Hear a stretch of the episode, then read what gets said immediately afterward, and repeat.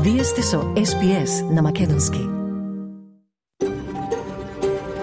SBS, a world of difference.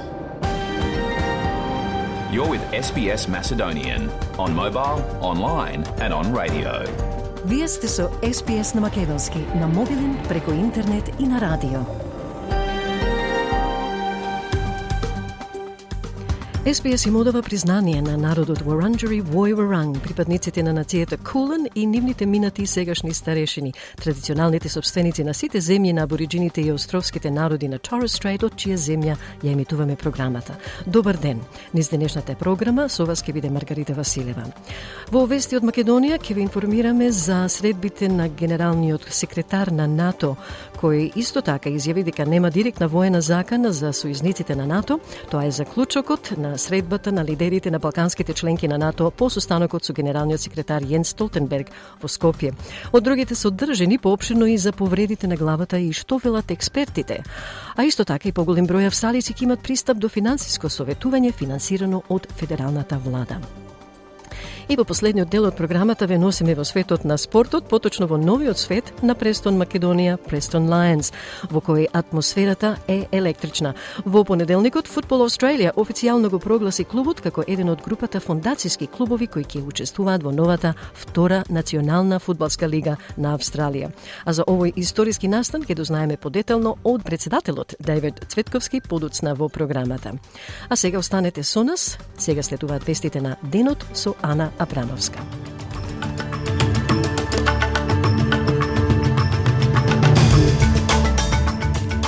Благодарам, Маргарита. Од денешните вести издвојуваме. Хамас објави датум за почеток на привремен 4-дневен прекин на огнот со израелските сили. Жителите во Перце предупредени дека е предоцна да ги напуштат своите домови поради пребрзо ширање на шумски пожар во две северни предградија. Нема директна воена закана за сојузниците на НАТО, е заклучокот на лидерите на балканските членски, членки на НАТО по состанокот со генералниот секретар Јенс Столенберг во Скопје. Две лица загинаа во експлозија на границата помеѓу Соединетите Американски држави и Канада. Представници на Хамас велат дека четиридневниот прекин на огнот меѓу израелските сили и Хамас треба да започне во четврток наутро во 10 часот по локално време. Семејствата на палестинските затвореници, чии роднини треба да бидат ослободени, според четиридневниот договор за прекин на огнот постигнат меѓу Израел и Хамас, велат дека се надеваат на подобра иднина. Израел и Хамас се договорија за прекин на огнот во Газа за најмалку 4 дена за да се овозможи помош и да се ослободат најмалку 50 заложеници заробени од милитантите во замена за најмалку 150 палестинци затворени во Израел. Раид Ават, чиј син Ахмед Ават треба да биде ослободен, вели дека е пресречна. Во меѓувреме 63 годишниот израелски дедо Гилад Корн Голд вели дека едва чекал вести за можен договор за заложници. Се вели дека седум членови на неговото семејство биле земени од вооружени лица на Хамас, меѓу кои 38 годишниот син, снаата и нивните две деца. We need to know if they're alive, if they're okay. It's the minimum. The minimum, the, this is war crime. They're civilians. Uh, we, we, we ask release, release the children and the women at once. Okay, it's impossible to bargain with children. Okay, no food, no gasoline, no solar, nothing. Okay, children and women must be released immediately. Министерката за надворешни работи Пени Вунг рече дека стотиците палестинци на кои австралиската влада им додели привремени визи поминале низ вообичаениот визен процес. Околу 1800 луѓе во Израел и нешто повеќе од 800 луѓе во Газа добија визи. Господја Вунг изјави за ABC дека сите поединци ги поминале вообичаените проверки за безбедност, идентитет и карактер. Исто така господја Вунг додава дека приоритет на Министерството за надворешни работи и трговија се враќањето на австралиските граѓани, постојаните жители и нивните потесни семејства. Obviously, just because someone has an Australian visa does not mean they are able to leave where they are. Uh, uh, and there are many people in Gaza who we have been trying to assist. As you know, border crossings have not been opened uh, uh, uh fully, uh, and we've spent weeks working with others to get some 127 Australian citizens, permanent residents, and their immediate families out of Gaza. Жителите во Перт се предупредени дека е предоцно да ги напуштат своите домови поради пребрзо ширење на шумски пожар во две северни предградија. Издадено е итно предупредување за делови од Мела Лука и Джандабут во Ванеро, отколку 36 км северно од центарот на градот. Пожарот започна во близина на раскрсницата на патиштата Boundary и Бастард во Маринджа Ньюб. Огнената стихија се шири брзо во западен правец и моментално не е под контрола. Тројца тинејџери се испрашувани од полицијата по наводниот напад со нож во Волонгонг, јужно од Сиднеј. Се вели дека една жена е во критична состојба. Таа идно е пренесена во болницата во Волонгонг, откако се здобила со повеќе убодни рани по телото и главата.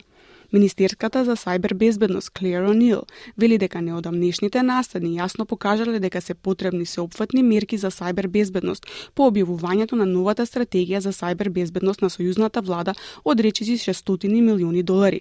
Ремонтот ќе вклучи сајбер здравствени проверки за малите бизници, ќе го зголеми финансирањето за спроведување на сајбер законите и ќе воведе задолжително известување за напади со софтвери. Стратегијата исто така ќе ги подложи телекомуникацијските фирми на построги правила за известување и ќе постави ограничувања за размера на податоци меѓу агенциите.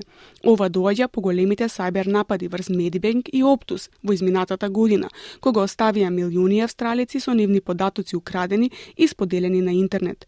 Министерката за сајбер безбедност Клеер О'Нил вели дека неодамнешните настани ја истакнале потребата од итно и сеопфатно делување. If we have learned anything in the last year in this country, it is that we cannot continue as we have. We can't have a situation where we've got data flying around the country, where we've got critical infrastructure starting to fail, where we've got small business and citizens who are consistently telling us that they feel vulnerable. Градот Ајангула на островот Грут слави бидејќи колекција на културни предмети сега се вратени дома од музеј во Британија. Колекцијата од 174 предмети ја купи британскиот антрополог професор Питер Ворсли, кој беше задолжен за истражување на островот Карпентарија во заливот во 50-тите години. Оваа колекција се чуваше во музејот на Манчестер повеќе од 50 на години. Во септември три постари жени на Анин Дилијакова отпетуваа во Обединетото кралство за да започнат со официјално предавање.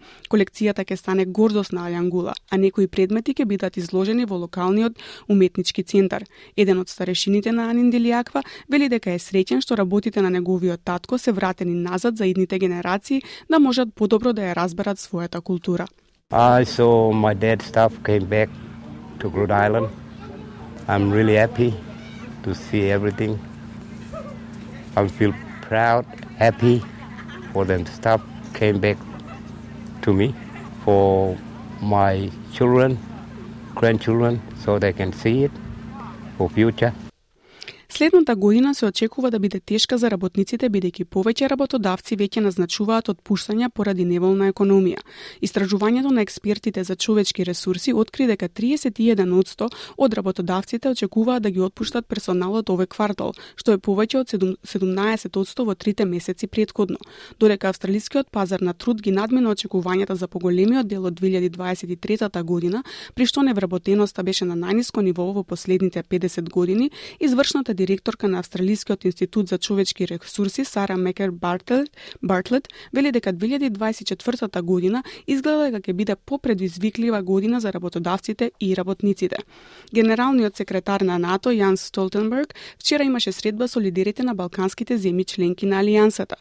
По состанокот Столтенберг на пресконференцијата изјави дека нема директна воена закана за сојузниците на НАТО, но има зголемени тензии во регионот, односно проблематичните точки на Балканот се Босна и Херцеговина Херцеговина и тензиите меѓу Белград и Приштина. Тој истакна дека е време да се надминат регионалните конфликти. Зголемувањето на тензиите, особено во Косово, исто така гледаме и дека има тензии кои што се јавуваат и во Босна и Херцеговина, но не гледаме директна воена закана против која било од земјите во регионот.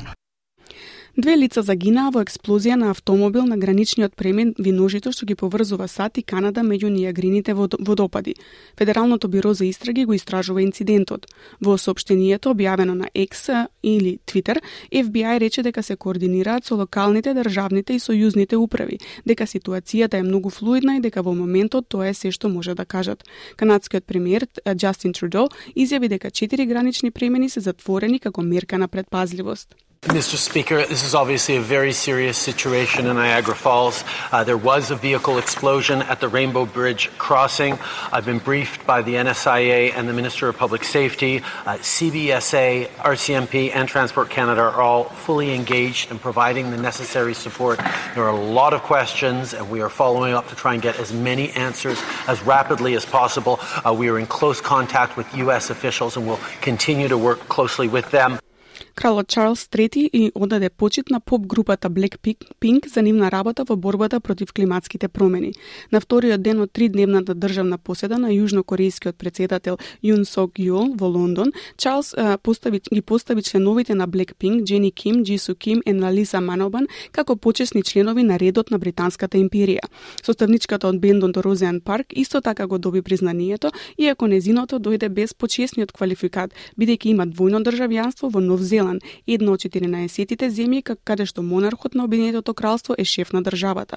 Почестите беа доделени за време на церемонијата во Бакингамската палата како признание за улогата на Blackpink во промовирањето на работата на самитот КОП-26 за климатските промени пред две години во Глазгов, Шкотска. А сега од спортот, одлична вест. Во понеделникот Футбол Австралија го прогласи клубот Престон Lions како една од група групата фондацијски клубови кои ќе учествуваат во новата втора национална фудбалска лига во, на Австралија. Овој историски настан велат од клубот е доказ за стремежот и аспирациите на верните подржувачи, членови и спонзори на пошироката заедница. Вечерва клубот и нивните подржувачи подржувачи ќе го прослават овој настан во просториите на павилион во Дженис Стил Стадиум.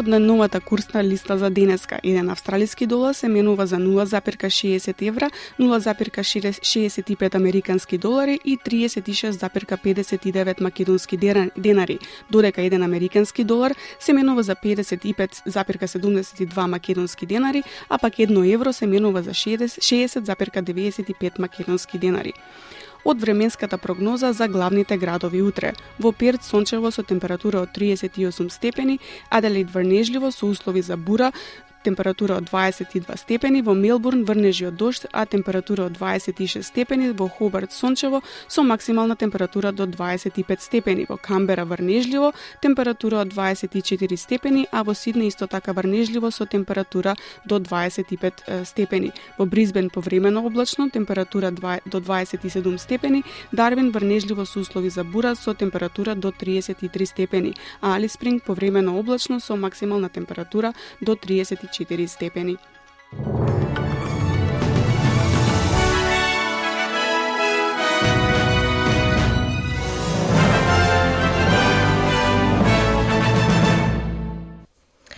Благодарам, Ана.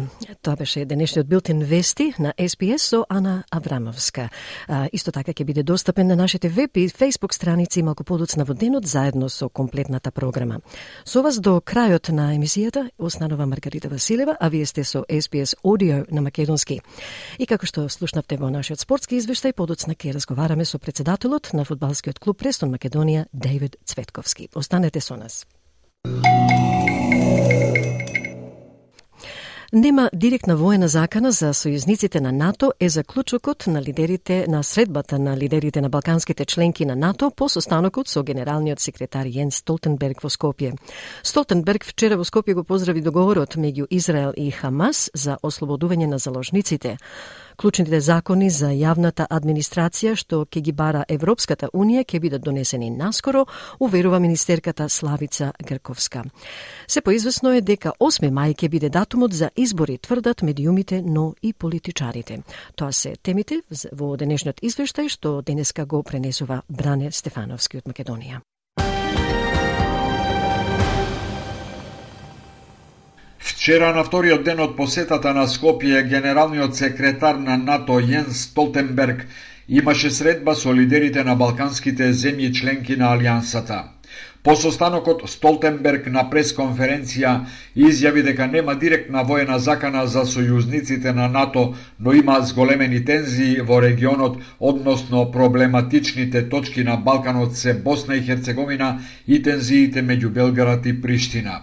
Тој истакна дека е време да се надминат регионалните конфликти. Зголемувањето на тензиите, особено во Косово, Исто така, гледаме и дека има тензии кои што се јавуваат и во Босна и Херцеговина, но не гледаме директна воена закана против која било од земјите во регионот. Македонскиот премиер Димитар Ковачевски и вчера рече дека состојбата во државава е стабилна и дека институциите си ја вршат работата во однос на поединци, групи и организации кои сакаат да ја влошат безбедностната ситуација на некоја членка од регионот, Ковачевски истакна. На поединци, групи и организации кои сакаат да го нарушат нивото на безбедноста во било која земја членка на НАТО од регионот, вклучително и нашата, е на ниво кое што е незамисливо за оние кои што не се во детали вклучени во вакви прашања. Столтенберг рече дека НАТО алијансата е присутна во регионот и внимателно ги следи настаните со што ја гарантира сигурноста и безбедноста. Ние сме предпазливи, одблиску ја наблюдуваме ситуацијата и секој ќе го направиме оно што е потребно за да се заштитат и одбранаците сојузници. Ковачевски рече дека иако сме соседи со Србија и со Косово, граѓаните не треба да стравуваат, бидејќи безбедностната ситуација е мирна и стабилна благодарение на тоа што сме членка на Алијансата. За Ковачевски не представува проблем ни етничката реторика што ја има деновиве на македонската политичка сцена во предизборниот период. Премиерот рече дека развојот на државата на економски план ќе биде комплетен кога Македонија ќе стане полноправна членка на Европската Унија и затоа упати порака да побрзаме по тој пат. Наша домашна задача е да продолжиме да работиме забрзано и посветено до целосно интегрирање и во Европската Унија, како што тоа го направивме со интегрирањето во НАТО алијансата. Столтенберг им се заблагодари на членките за поддршката на Украина, а пред почетокот на неформалниот состанок на лидерите на НАТО сојузниците од регионот го поздрави договорот меѓу Израел и Хамас за ослободување на заложниците. Клучните закони за јавната администрација што ќе ги бара Европската Унија ќе бидат донесени наскоро, уверува министерката за добро владење Славица Грковска по острите критики што дојдоа од Европската комисија. Грковска е свесна дека честото менување на министрите за администрација го кочи реформирањето на јавниот сектор. Таа пред новинарите на трибината организирана од Центарот за управување со промени изјави. Последни а, разговори има за околу одредени а, прашања кои што се произлезени од јавната расправа и од реакциите на не само на политичките фактори, туку и на други и на сите други а, фактори од јавниот сектор и очекувам во брзо време да бидат предложени. Воспоставување принципи и стандарди за добро владење по британскиот модел За јавната администрација да стане сервис на граѓаните, препорача британскиот амбасадор во Македонија Метју Лосон. Особено јавните служби се рбетот на непристрасноста на секоја влада и принципите од сето тоа и системските аспекти, тоа е многу важно да се воспостават на здрави носа и да продолжат низ сите транзиции без разлика секоја влада да е на власт да возможува соодветна услуга. Председателката на Центарот за управување со промени Неда Сачмаровска рече дека ако проектот премислување на управувањето на вистина биде спроведен, граѓаните ќе можат многу поблиску да следат како се реализираат владините програми и да знаат кои се нејзините приоритети. Целата оваа иницијатива препознава дека политиките а, може да бидат одлични на хартија и веројатно и се такви, меѓутоа доколку немаме немаме ефективна имплементација во секојдневната реалност, дека а, во тој случај може и резултатите во некои сегменти да изостанат. Европската комисија во последниот извештај остро го искритикува неносењето на клучните закони, како тој за раководната служба, кои се најавуваат повеќе од 4 години и никако да се најдат на расправа во собранието. Се поизвестно е дека 8 мај ќе биде датумот за избори, иако и двајцата вице-премиери Фатмир Битичи и Артан Груби само навестија дека партиите се приближуваат составовите за датум, сепак министерот за правда Кренар Лога од редовите на Алијансата на албанците пред новинарите вчера изјави дека според неговите информации изборите сепак ќе се одржат на 8 мај. Неофицијално јас знам дека тој датум и ќе биде официјален датум, како и да е. Ке треба да денови множинството да зазема став, а после и со опозицијата и верувам дека тој ќе биде и датумот за двете изборни циклуси. Македонија според пржинскиот договор е се поблиску до формирање техничка влада што треба да ја предводи премиер Албанец. Ако изборите се одржат на 8 мај, тогаш привремениот премиер треба да седне на премиерското место на 29 јануари. Иако до тогаш има речиси два месеца, партиите се уште немаат кандидат за нов премиер. Артан Груби тврди дека тој лично нема да биде премиер, но ќе биде од редовите на ДУИ. Надевам дека целиот тој процес ќе се заврши успешно, успешно и ќе се надмине уште едно а, обштествено табу во нашата земја, а, како што беше и председател на собрање или министер за внатрешни или министер за надворешни или било која друга позиција предходно ќе се види дека ништо страшно нема да се деси, туку напротив Македонија ќе добие многу повеќе. По најавите дека Алијансата на албанците ќе излезе од владината коалиција ако не се донесат уставните измени, сепак партијата соопштува дека ќе му даде шанса на процесот и ќе го почека крајниот резултат за да одлучи. Не ја исклучува можноста да оди на избори со заеднички листи со СДСМ и ДУИ, но сепак се уште се водат само разговори, соопштува Алијансата. 35 мина американски волонтери на мировниот корпус положија свечена заклетва. Овие американци и се приклучија на групата од повеќе од 800 американски граѓани кои служеле во Македонија. Во следните две години тие ќе работат во локалните училишта, општините и невладините организации.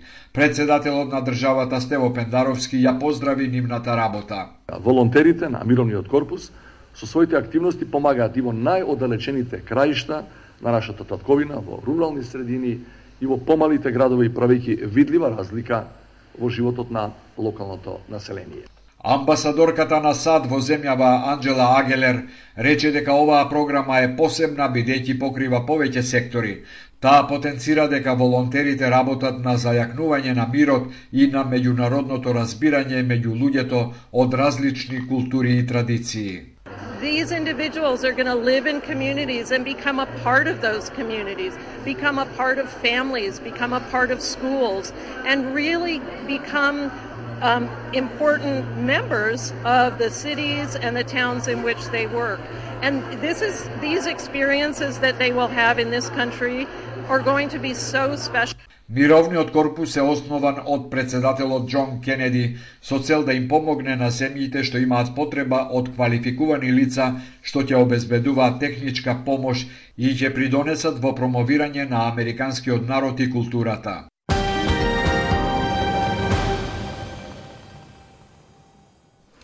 Извештајот за настанете во Македонија за 23 ноември го подготви Бране Стефановски.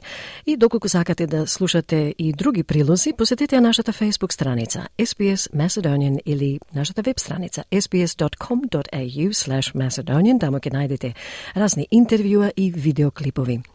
По неколку информативни пораки од SBS, драги слушатели, ќе преминеме и на две локални теми, а подоцна ќе разговараме со председателот на фудбалскиот клуб Престон Lions, Престон Македонија. Клубот заедно со уште неколку клуба ќе зачекори во новата втора национална фудбалска лига на Австралија, на која председателот Цветковски вели се работело интензивно во изминативе пет години. Останете со SBS Audio на македонски. Во 2020-2021 години, година стотици илјади австралици беа примени во оделот за итни случаи поради повреди на главата. Но некои експерти велат дека вистинскиот број на овие повреди веројатно е недоволно пријавен. Сега нови извештај нуди увид за информирање на политиката, образованието и превенцијата за повреди од ваков вид. Прилогот е од Хана Квон за SBS News.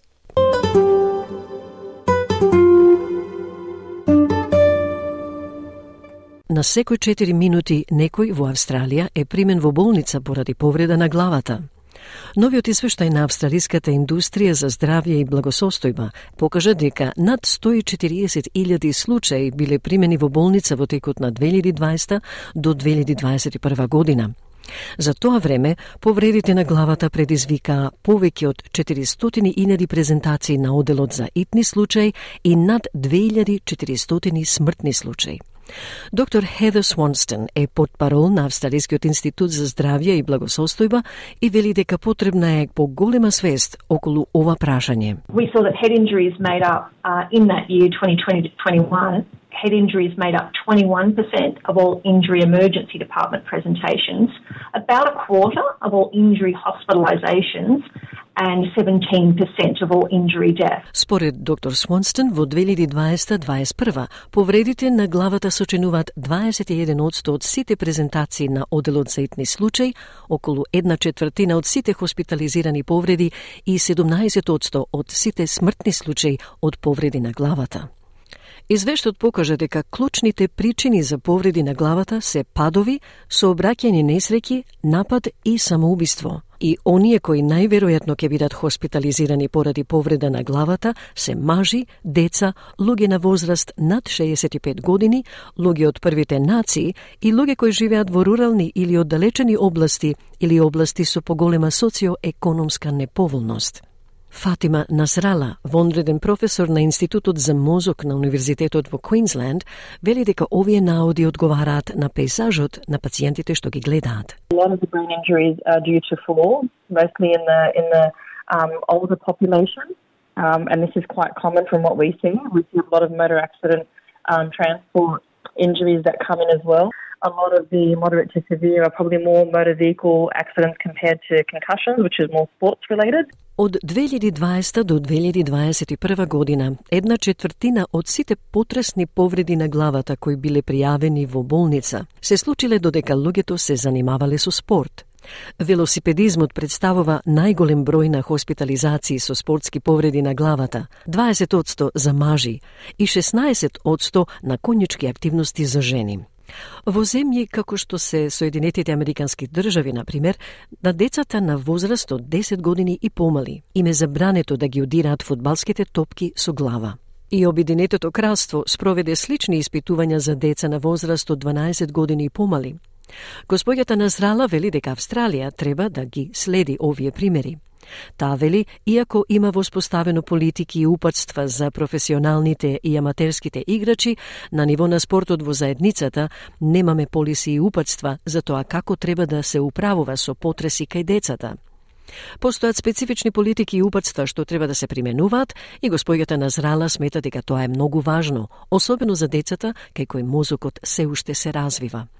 Тој е многу ранлив на повреди вели на зрала, бидејќи се развива на специфичен начин и во различни периоди, и секој еден од овие периоди може да одреди како ќе напредува човекот за 5 или 10 години. There was a bit of a decline in 2019-20, um, as we all know, due to most likely the impacts of COVID, where there were um, there was a large reduction in social uh, interaction, and then after that, the rates of head injury hospitalisations went back up. Uh, they reached 6.7% in 2020-21, which is slightly higher than they were prior to COVID. Стапката на хоспитализирање со повреди на главата според возраста се зголемуваше во просек за околу 1,4 одсто секоја година од 2017-2018 до 2020-2021 година. Доктор Хеда Свонстон од Институтот за мозок вели дека има сосема мало намалување на овие бројки за време на пандемијата COVID-19. Especially, for example, in mild concussive injury, where there's not a immediate need for you to go to the hospital, there's a lot of underreported injuries because people just don't go to the hospital. So I think it's very important that these information is actually reported on. I think it's important that we're seeing how the different types of injuries fall into different categories. И потоа, стапките на хоспитализации со повреди на главата повторно се зголемија. Тие достигнаа 6,7% во 2020-2021 година, што е малку повисоко отколку што беа пред COVID-19. Професорот Назрала вели дека дури и сега многу повреди не се пријавени, особено благите потресни повреди каде што нема итна потреба да се оди во болница. We're doing a study with Synapse, which, which is a brain injury research organisation uh, for Aboriginal and Torres Strait Islander people, where we're going to schools and educating them about brain injury. Um, these are secondary and elementary schools. I do think a lot more funding needs to be put into this area just because we, you know, while we look at stroke or Alzheimer's disease, which are probably 50 or 60 years ahead of us in terms of understanding the biology of, of these conditions, we don't understand much about TBI. We don't understand what the pathological mechanisms are, um, where we need to find targets to develop the, the therapies and what therapies work. And that is contingent on funding. Таа вели дека е потребен повеќе слоен пристап од училиштата, заедниците и од перспектива на финансирање. Доктор Назрала вели прават студија со Синапс, која е организација за истражување на повреди на мозокот за абориджините и жителите на островите на Торрес Стрейт. Како дел од студијата се посетуваат средни и основни училишта и се едуцираат децата за повредите на мозокот. Тој прилог од SBS News. Продолжуваме со уште една тема. Поголем број австралици ќе имат пристап до финансиско советување според нов модел финансиран од страна на федералната влада и од индустријата. 30 милиони долари ќе бидат инвестирани во телефонско советување лице в лице во период од три години со поддршка од големите банки, индустрија за коцкање, компаниите кои нудат услуги купете сега, платете подоцна. Во услови на зголемени притисоци од трошоците за живот и финансиски тешкоти за голем број австралици, остануваат прашањата дали овие индустрии спречуваат или придонесуваат за понатамошна штета. Повеќе од прилогот на SBS News од Пени Бакли, што на македонски го подготви Радица Бојковска-Димитровска. Сојузната влада објави нов модел финансиран од индустријата за финансиски услуги преку Financial Counseling Australia.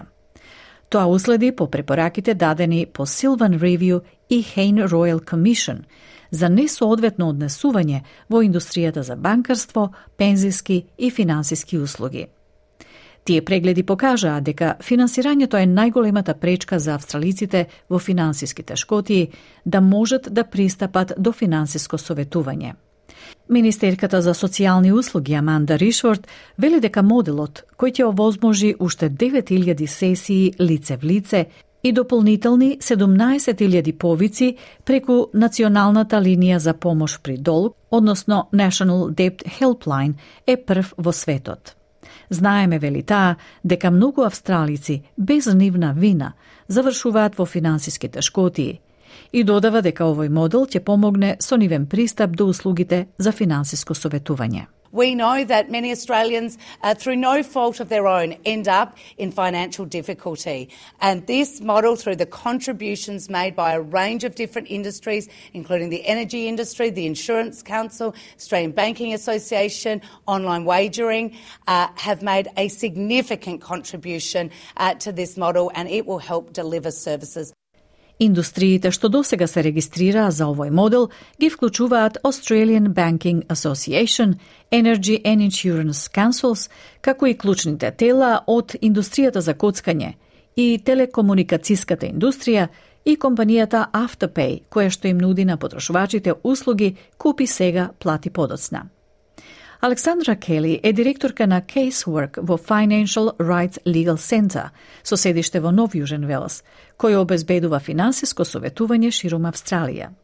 Таа ја поздравува посветеноста на компаниите да им возвратат на клиентите кои се којдневно имаат пристап до финансиско советување – За жал, вели таа, коцкањето е исто така доста распространето, па многумина не бараат само финансиско советување, туку и услуги за интервенција во коцкањето. Daily, daily on the National Debt Helpline, you're, you're looking at afterpay either being uh, a contributing factor or the straw that broke the camel's back. Um, unfortunately, gambling is also quite prevalent. For many, um, they do require you know, um, not only financial counselling assistance, but gambling intervention services. Улогата на Afterpay во придонесот кон финансискиот притисок за австралиците останува контроверзна. Во октомври, Financial Counseling Australia ја критикуваше новата предплата на услугата на компанијата Afterpay Plus, која што им овозможува на клиентите да позајмуваат пари преку нивната картичка или телефон дури и во продавници кои не подржуваат Afterpay. Вршителот на должноста главен извршен директор на Financial Counseling Australia, Питер Гартлан, вели дека компаниите кои ја поддржале најавата за моделот нема да бидат ослободени од одговорност доколку се вклучат во практики што се предаторски, незаконски или се предмет на истрага од страна на регулаторот. Our sector continues to report any instances of behaviour that is not in the best interests of, of the people that we are there to to support and advocate for. So I don't know if it's a question of being hypocritical, but I think it at least is an acknowledgement by the companies um, that actually benefit when they do have a financial counsellor acting on behalf of one of their customers.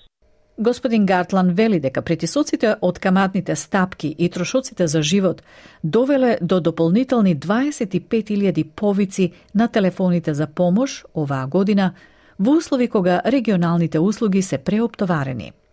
Тој нагласува дека според нивните проценки потребни се дополнителни 18 милиони долари годишно, но дека најавените 30 милиони сепак се добар почеток, што ќе значи дополнителни најмалку 75 вработени ширум земјата секоја година со цел да им пружат помош на луѓето. We estimated that we needed an extra 18.1 million dollars a year. The the announcement of the 30 million is over 3 years. So it's probably half of what we'd like, but look, it's a it's a really good start. It will mean that um, that there'll be an extra at least 75 positions uh, employed around the country uh, uh each year to um, to assist people. Но останува загриженоста дека финансиското советување е само како леплив малтер за сериозни подлабоки состојби. Сенаторката Дженет Райс, портпаролка на Зелените за реформи во коцкањето, вели дека партијата го поздравува дополнителното финансирање за финансиски советници, но дека владата треба да направи повеќе директно за штетите од коцкањето. Таа упати повик до владата да се справи со суштината на проблемот, наместо само да ги финансира симптомите. Знаеме дека коцкањето треба да се управува со пристап за минимизирање на штетата, но владата не сака да го стори тоа, поради притисокот од индустријата за коцкање, вели сенаторката Рајс. И додава дека индустријата дава милиони долари во донации за лабористичката, либералната и националната партија и плаќаат, како што вели, за раскошни ручеци и вечери за министерот кој што треба да ги регулира. We are calling on the government to be actually tackling the core of the problem rather than just funding the symptoms. we know that gambling should be managed on a harm minimisation approach, but the government's unwilling to do that because of pressure from the gambling industry. I mean, the industry gives millions of dollars in donations for Labor, Liberal, and the National parties. They pay for lavish lunches and dinners for the minister who's meant to be regulating them. Лук Линдзи е генерален директор во Uniting Care Queensland, кој управува со National Debt Helpline и Lifeline во државата. Тој вели дека без оглед на системските прашања, финансирањето ќе им помогне на австралијците во, како што вели, еден од периодите што предизвикуваат најмногу вознемиреност, кога луѓето за прв пат посегнуваат по подршка.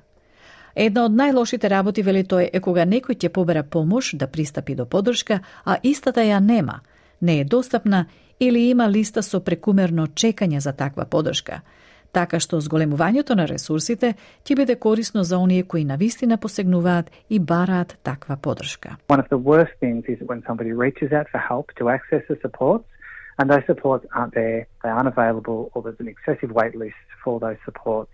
So increasing the resources to make supports more accessible for people is only going to have a beneficial impact on those people who are really reaching out and seeking that support. Иако некој има потреба од финансиско советување, може да се јави на National Debt Helpline на 1800 007 007.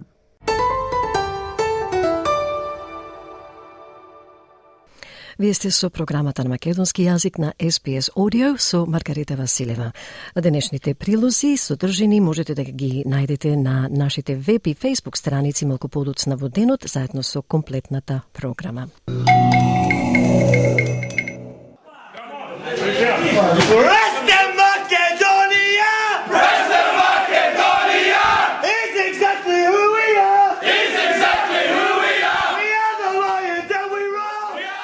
Деновиве атмосферата во клубските простори на Престон Македонија, Престон Lions е електрична. Во понеделникот футбол Australia официјално го прогласи клубот како еден од групата фондацијски клубови кои ќе учествуваат во новата втора национална фудбалска лига на Австралија. Овој историски настан, велат од клубот, е доказ на стремежот и аспирациите на верните поддржувачи, членови, спонзори и пошироката заедница. Управните органи на Престон Македонија преку социјалните медиуми ја изразија големата гордост со постигнатиот успех, наведувајќи ги долгогодишните напори на клубот, бордот и советодавната група NST Advisory Group како заслужни фактори во создавањето на стратегијата и визијата што го доведоа клубот до оваа позиција. За да дознаеме повеќе за тоа што новата втора национална фудбалска лига ќе значи за фудбалскиот клуб Престон Македонија, денеска ќе чуеме подетално од председателот Дејвид Цветковски. Вашата заедница, вашите разговори. СПС на Македонски. Давид Цветковски, честитки за изборот на фудбалскиот клуб Престон Македонија во новата втора национална фудбалска лига. I hope I got that right. За која SPS ви посакува многу среќа и успеси со овој голем чекор напред за клубот, играчите па и навивачите. Каква е атмосферата во клубот по официјалната најава? Кажете ни. Прво, Маркерица, фала и поздрав. Мислам за сите љубители, не само на футбал во Австралија, и то на фудбалскиот клуб Престон Лајонс или Престон Македонија. Мислам, ова недела се од срце сакам на цел народ да му честитам ова радост. Ко фудбалски клуб бевме одбрани од фудбалската федерација на Австралија, да сме Foundation Club во новата национална лига, што ќе се вика National Second Tier. Мислам, ние сме еден од 8 клуба, почетокот се од Мелбурн, Сидни, се надевам дека ќе исто има екипи од сите стајц во Австралија. Да. Еве за нас и цела македонска диаспора ни за Австралија имаме момент кај што ќе мора мислам екипата ќе игра во, во сите стајц во Австралија. Да, голем чекор. А, господин да. Цветковски, што значи овој чекор за за клубот и воопшто за македонската заедница во Австралија? Да, ние еве ко управа и ко advisory board, значи управата имаме 11 луѓе, мажи и жени, и advisory board имаме од 27 професионални луѓе што работат за клубо. Пет години се мачиме се представуваме со Australian Association of Football Clubs и со Федерацијата на Австралија да ја направиме оваа лига. Мислам ова за нас е платформа кај што ќе можеме не само футболската екипа, ама цела македонска диаспора да ја покажеме, мислам, низ цела Австралија како екипата ќе шета Сидни, Аделаид, да. да се викаме Престон Lions. Да. Ама цел народ, не само нашиот народ, ама футболскиот народ знае дека ние сме македонски, македонци и македонски тим. И затоа мислам федерацијата кажа дека сакат културата на кипите, екипите да си ја поштуват а, културата. Да. Културата наша е македонска. Да. Значи немаме проблем со тоа. Да. да. Значи, велите имаш тоа беше еден петгодишен период на докажување за да може клубот да биде вклучен во, во оваа лига. Да, ние со Зек Груевски, со исто така беше председател и до сега заедничко си работиме. Јас сум председател на име, ама мислам екипата наша е голема и работиме од 2018 мислам ова лига да да се направи yeah. и Престон да е кандидат да влези. Оти ние еве пред 10 години игравме во State Leagues. Последните 5 години еве сега три лиги си имаме кранато. Yeah. Да можеме на вистина од се од, од, од фискални работи, од инфраструктура, од јуниори, од, од жени. Мислам, женските екипи ни се сега во најглавната лига во Викторија, што се вика WNPL. Значи, ние бевме ценети од федерацијата across all these elements. Да. Велите да. дека се вклучени 8 клубови, а кога почна да. лигата? Лигата ќе почне во, во 2025 година, во март. Значи, ќе почне, моментално има 8 екипи. Ама до тогаш, мислам и до март 2024 година, се надева федерацијата дека ќе има уште две до четири екипи. Каков тип на надпреварување ќе се води? Типот ќе се води home and away series, mm -hmm. uh, so final series. Значи, ако имаме 10 до 12 екипи, ќе биде тоа околу 24 кола со финале што ќе се игра. Дали планирате некои надградби на стадионот, на пример нова трибина, па семафор за покажување резултати и други уредувања? Да, Маргарита, еве сега а, за прв пат мислиме овој месец имаме над 200.000 долари скорборд донација од нашите македонски и Игор Георгиевски скорборд ќе биде готов да се да се приклучи, што чекаме над две и пол години тоа да се направи. Исто така имаме advisory group, а, девет луѓе работат за North Grandstand да се планира и да се направи а, и да се почне во 2024 година. Моментално сме со Council, кај што чекаме да ни одобрат uh, Indigenous Overlay. Треба да. Indigenous Overlay да го добиме, плановите да се стават и да се почне да да се прави. А со влегувањето во новата втора национална фудбалска лига, сигурно ќе се појават нови финансиски обврски за да се одвиваат тренинзите нели над преварите, па патувањата и така натаму. Дали клубот сметате во здрава финансиска положба за да ги издржи овие обврски? Да, тоа мислам во планирањето и со федерацијата еве 9 месеци што се представувавме, финансиската страна беше најглавна и требаше а, да правиме фокас, фокас за, за три години. Ние моментално од кај што сме сега до дури да почнеме, си знаеме финансиските работи кај што треба да бидиме. Се надеваме, знаеме моментално ние имаме 115 спонсори од диаспората македонска. Еве ова недела си имате јавано уште 10 спонсори. И се надеваме дур да почнеме меѓу спонсорите merchandise sales, game day experience. И мислам овие веселби кои еве вече во 7 сатот. Ги поканувам сите луѓе македонци да си дојдат. Ќе имаме celebration party за за втората дивизија. И се надевам може ќе имаме 500 до 1000 луѓе. Значи со сите овие работи за клубот се берат пари да можеме екипата е да ја представиме во оваа лига. А господин Цветковски, дали сметате дека новата вест со лигата, дали тоа поттекна нови спонзори? Да, да поттекна не само нови спонзори од нашата диаспора, ама од што да речам the Australian business community. Да, Моментално еве брендоите ми се спонсори и се надеваме за овие 12 месеци и да се прифатиме со нови брендови, што мислам се големи, големи брендови или во Австралија, или ако можеме глобал бренд да фатиме, Господца.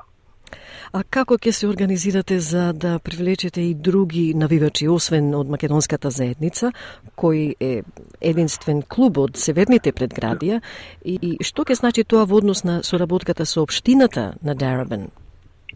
Хубаво прашање, Маркелите. Мислам, ова не се почнува сега. Ние, еве, ови последните пет години имаме стигнато на еден степен кај што знаеме во петок на вечер 35% од навивачите што идат моментално се прво жени.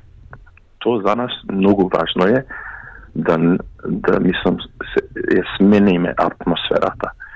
Исто така, од народот што иди, 20% не се traditional supporters.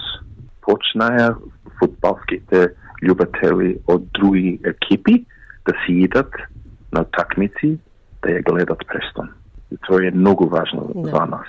Да, многу важно и мислам што го викаме the game day experience. Да. Ние 3 до 4 години сега и мислам о social media многу ми поможува. Оти имаме добар exposure, не само низ диаспората наша, ниту и ито низ футболската диаспора, низ Викторија, низ Австралија. А соработката со општината на Дарабен? Да. Со општината, мислам, сме многу среќни, еве, овие последни 10 години ни имаат подарено 7 милион долари за новиот павилион, беа 3 милион нови, да ги речем, lights, light. Ламби? Да, светла, осветлување. Да, светла, светла, да. патои имат направено сега. Се надеваме дека ќе треба и со федералната влада и со local government а, да работиме. Моментално има 200 милион долари футбол или спортинг фонд што ќе треба да се представиме, да видиме и ние дали би било за synthetic ground, имаме планови за synthetic ground, 2 милион долара, а, исто така за the grandstand, а да видиме дали ќе можеме фандинг да добиваме. Пред малку спомнавте, меѓутоа да подсетиме слушателите дека на Facebook страницата на Престон Македонија најавивте дека свечено ќе го одбележите историскиот настан на влегувањето во втората национална фудбалска лига на Австралија. Тоа ќе се одржи вечерва вечер од 7 сатот ќе има јадење, пиење и музика. Значи, ја мислам на, на сите навивачи и супортери на, на клубот да си дојдат вече фамилиарно, да настапиме како една заедница и да направиме еден celebration. Заслужувате. Thank you, Margarita. А, да бидам фер, прашањата ни ги подготви Васе Коцев, кој моментално е на, на одмор далеку, далеку од Австралија и длабоко жали што не е овде да го покрие настанот. голем поздрав на Васе, Васе, мислам, е голем љубител на клубот и да. а, добар глас, многу добар глас за нас, за, за екипата го поздравам. А дали имате нешто посебно да кажете за нашите слушатели или вашите навивачи? Да, фала Маргарита. Мислам на, на народот македонски. Ако можете, сите да се приближите до клубот, не само и од нашиот клуб, сите македонски клубови што се трудат а, да се покажат а, ко клубови за, за диаспората да. и за народот. Овие се критични места кај можеме ние со децата. Еве, моментално, чупината мои сидат секој петок. Татко ми и мајка ми, баба ми е 94 години и, и не од време ја носиме на футболот. Мислам, е место кај што можеме ние заедно да се собериме кон народ, да се напиме и да гледаме еден меч или гейм футбол, што се вика имате стекнато една многу убава атмосфера. Давид Цветковски, ви посакуваме многу среќа и успеси со овој голем чекор напред за клубот, играчите и навевачите на Престон Македонија, Престон Lions. Ви благодарам. Поштовање, Маргита. Фала. Председателот на фудбалскиот клуб Престон Македонија, Престон Lions, Давид Цветковски и на здраве и прославата во клубските простори вечерва. И за крај, драги слушатели, да се подсетиме на главните вести.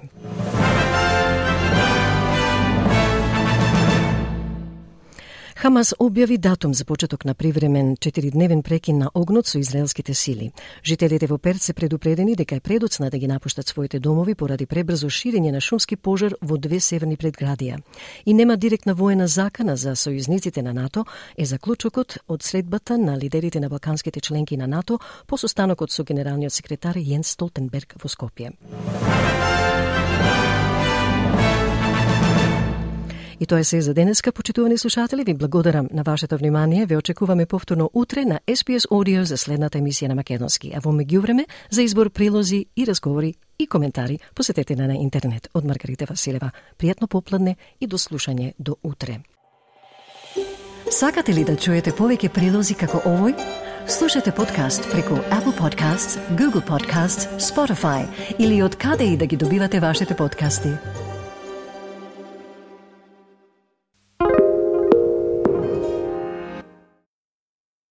SBS is Australia's most trusted multilingual broadcaster. Our listeners are loyal, highly engaged, and have supported countless local businesses. We offer advertising packages for businesses of all sizes.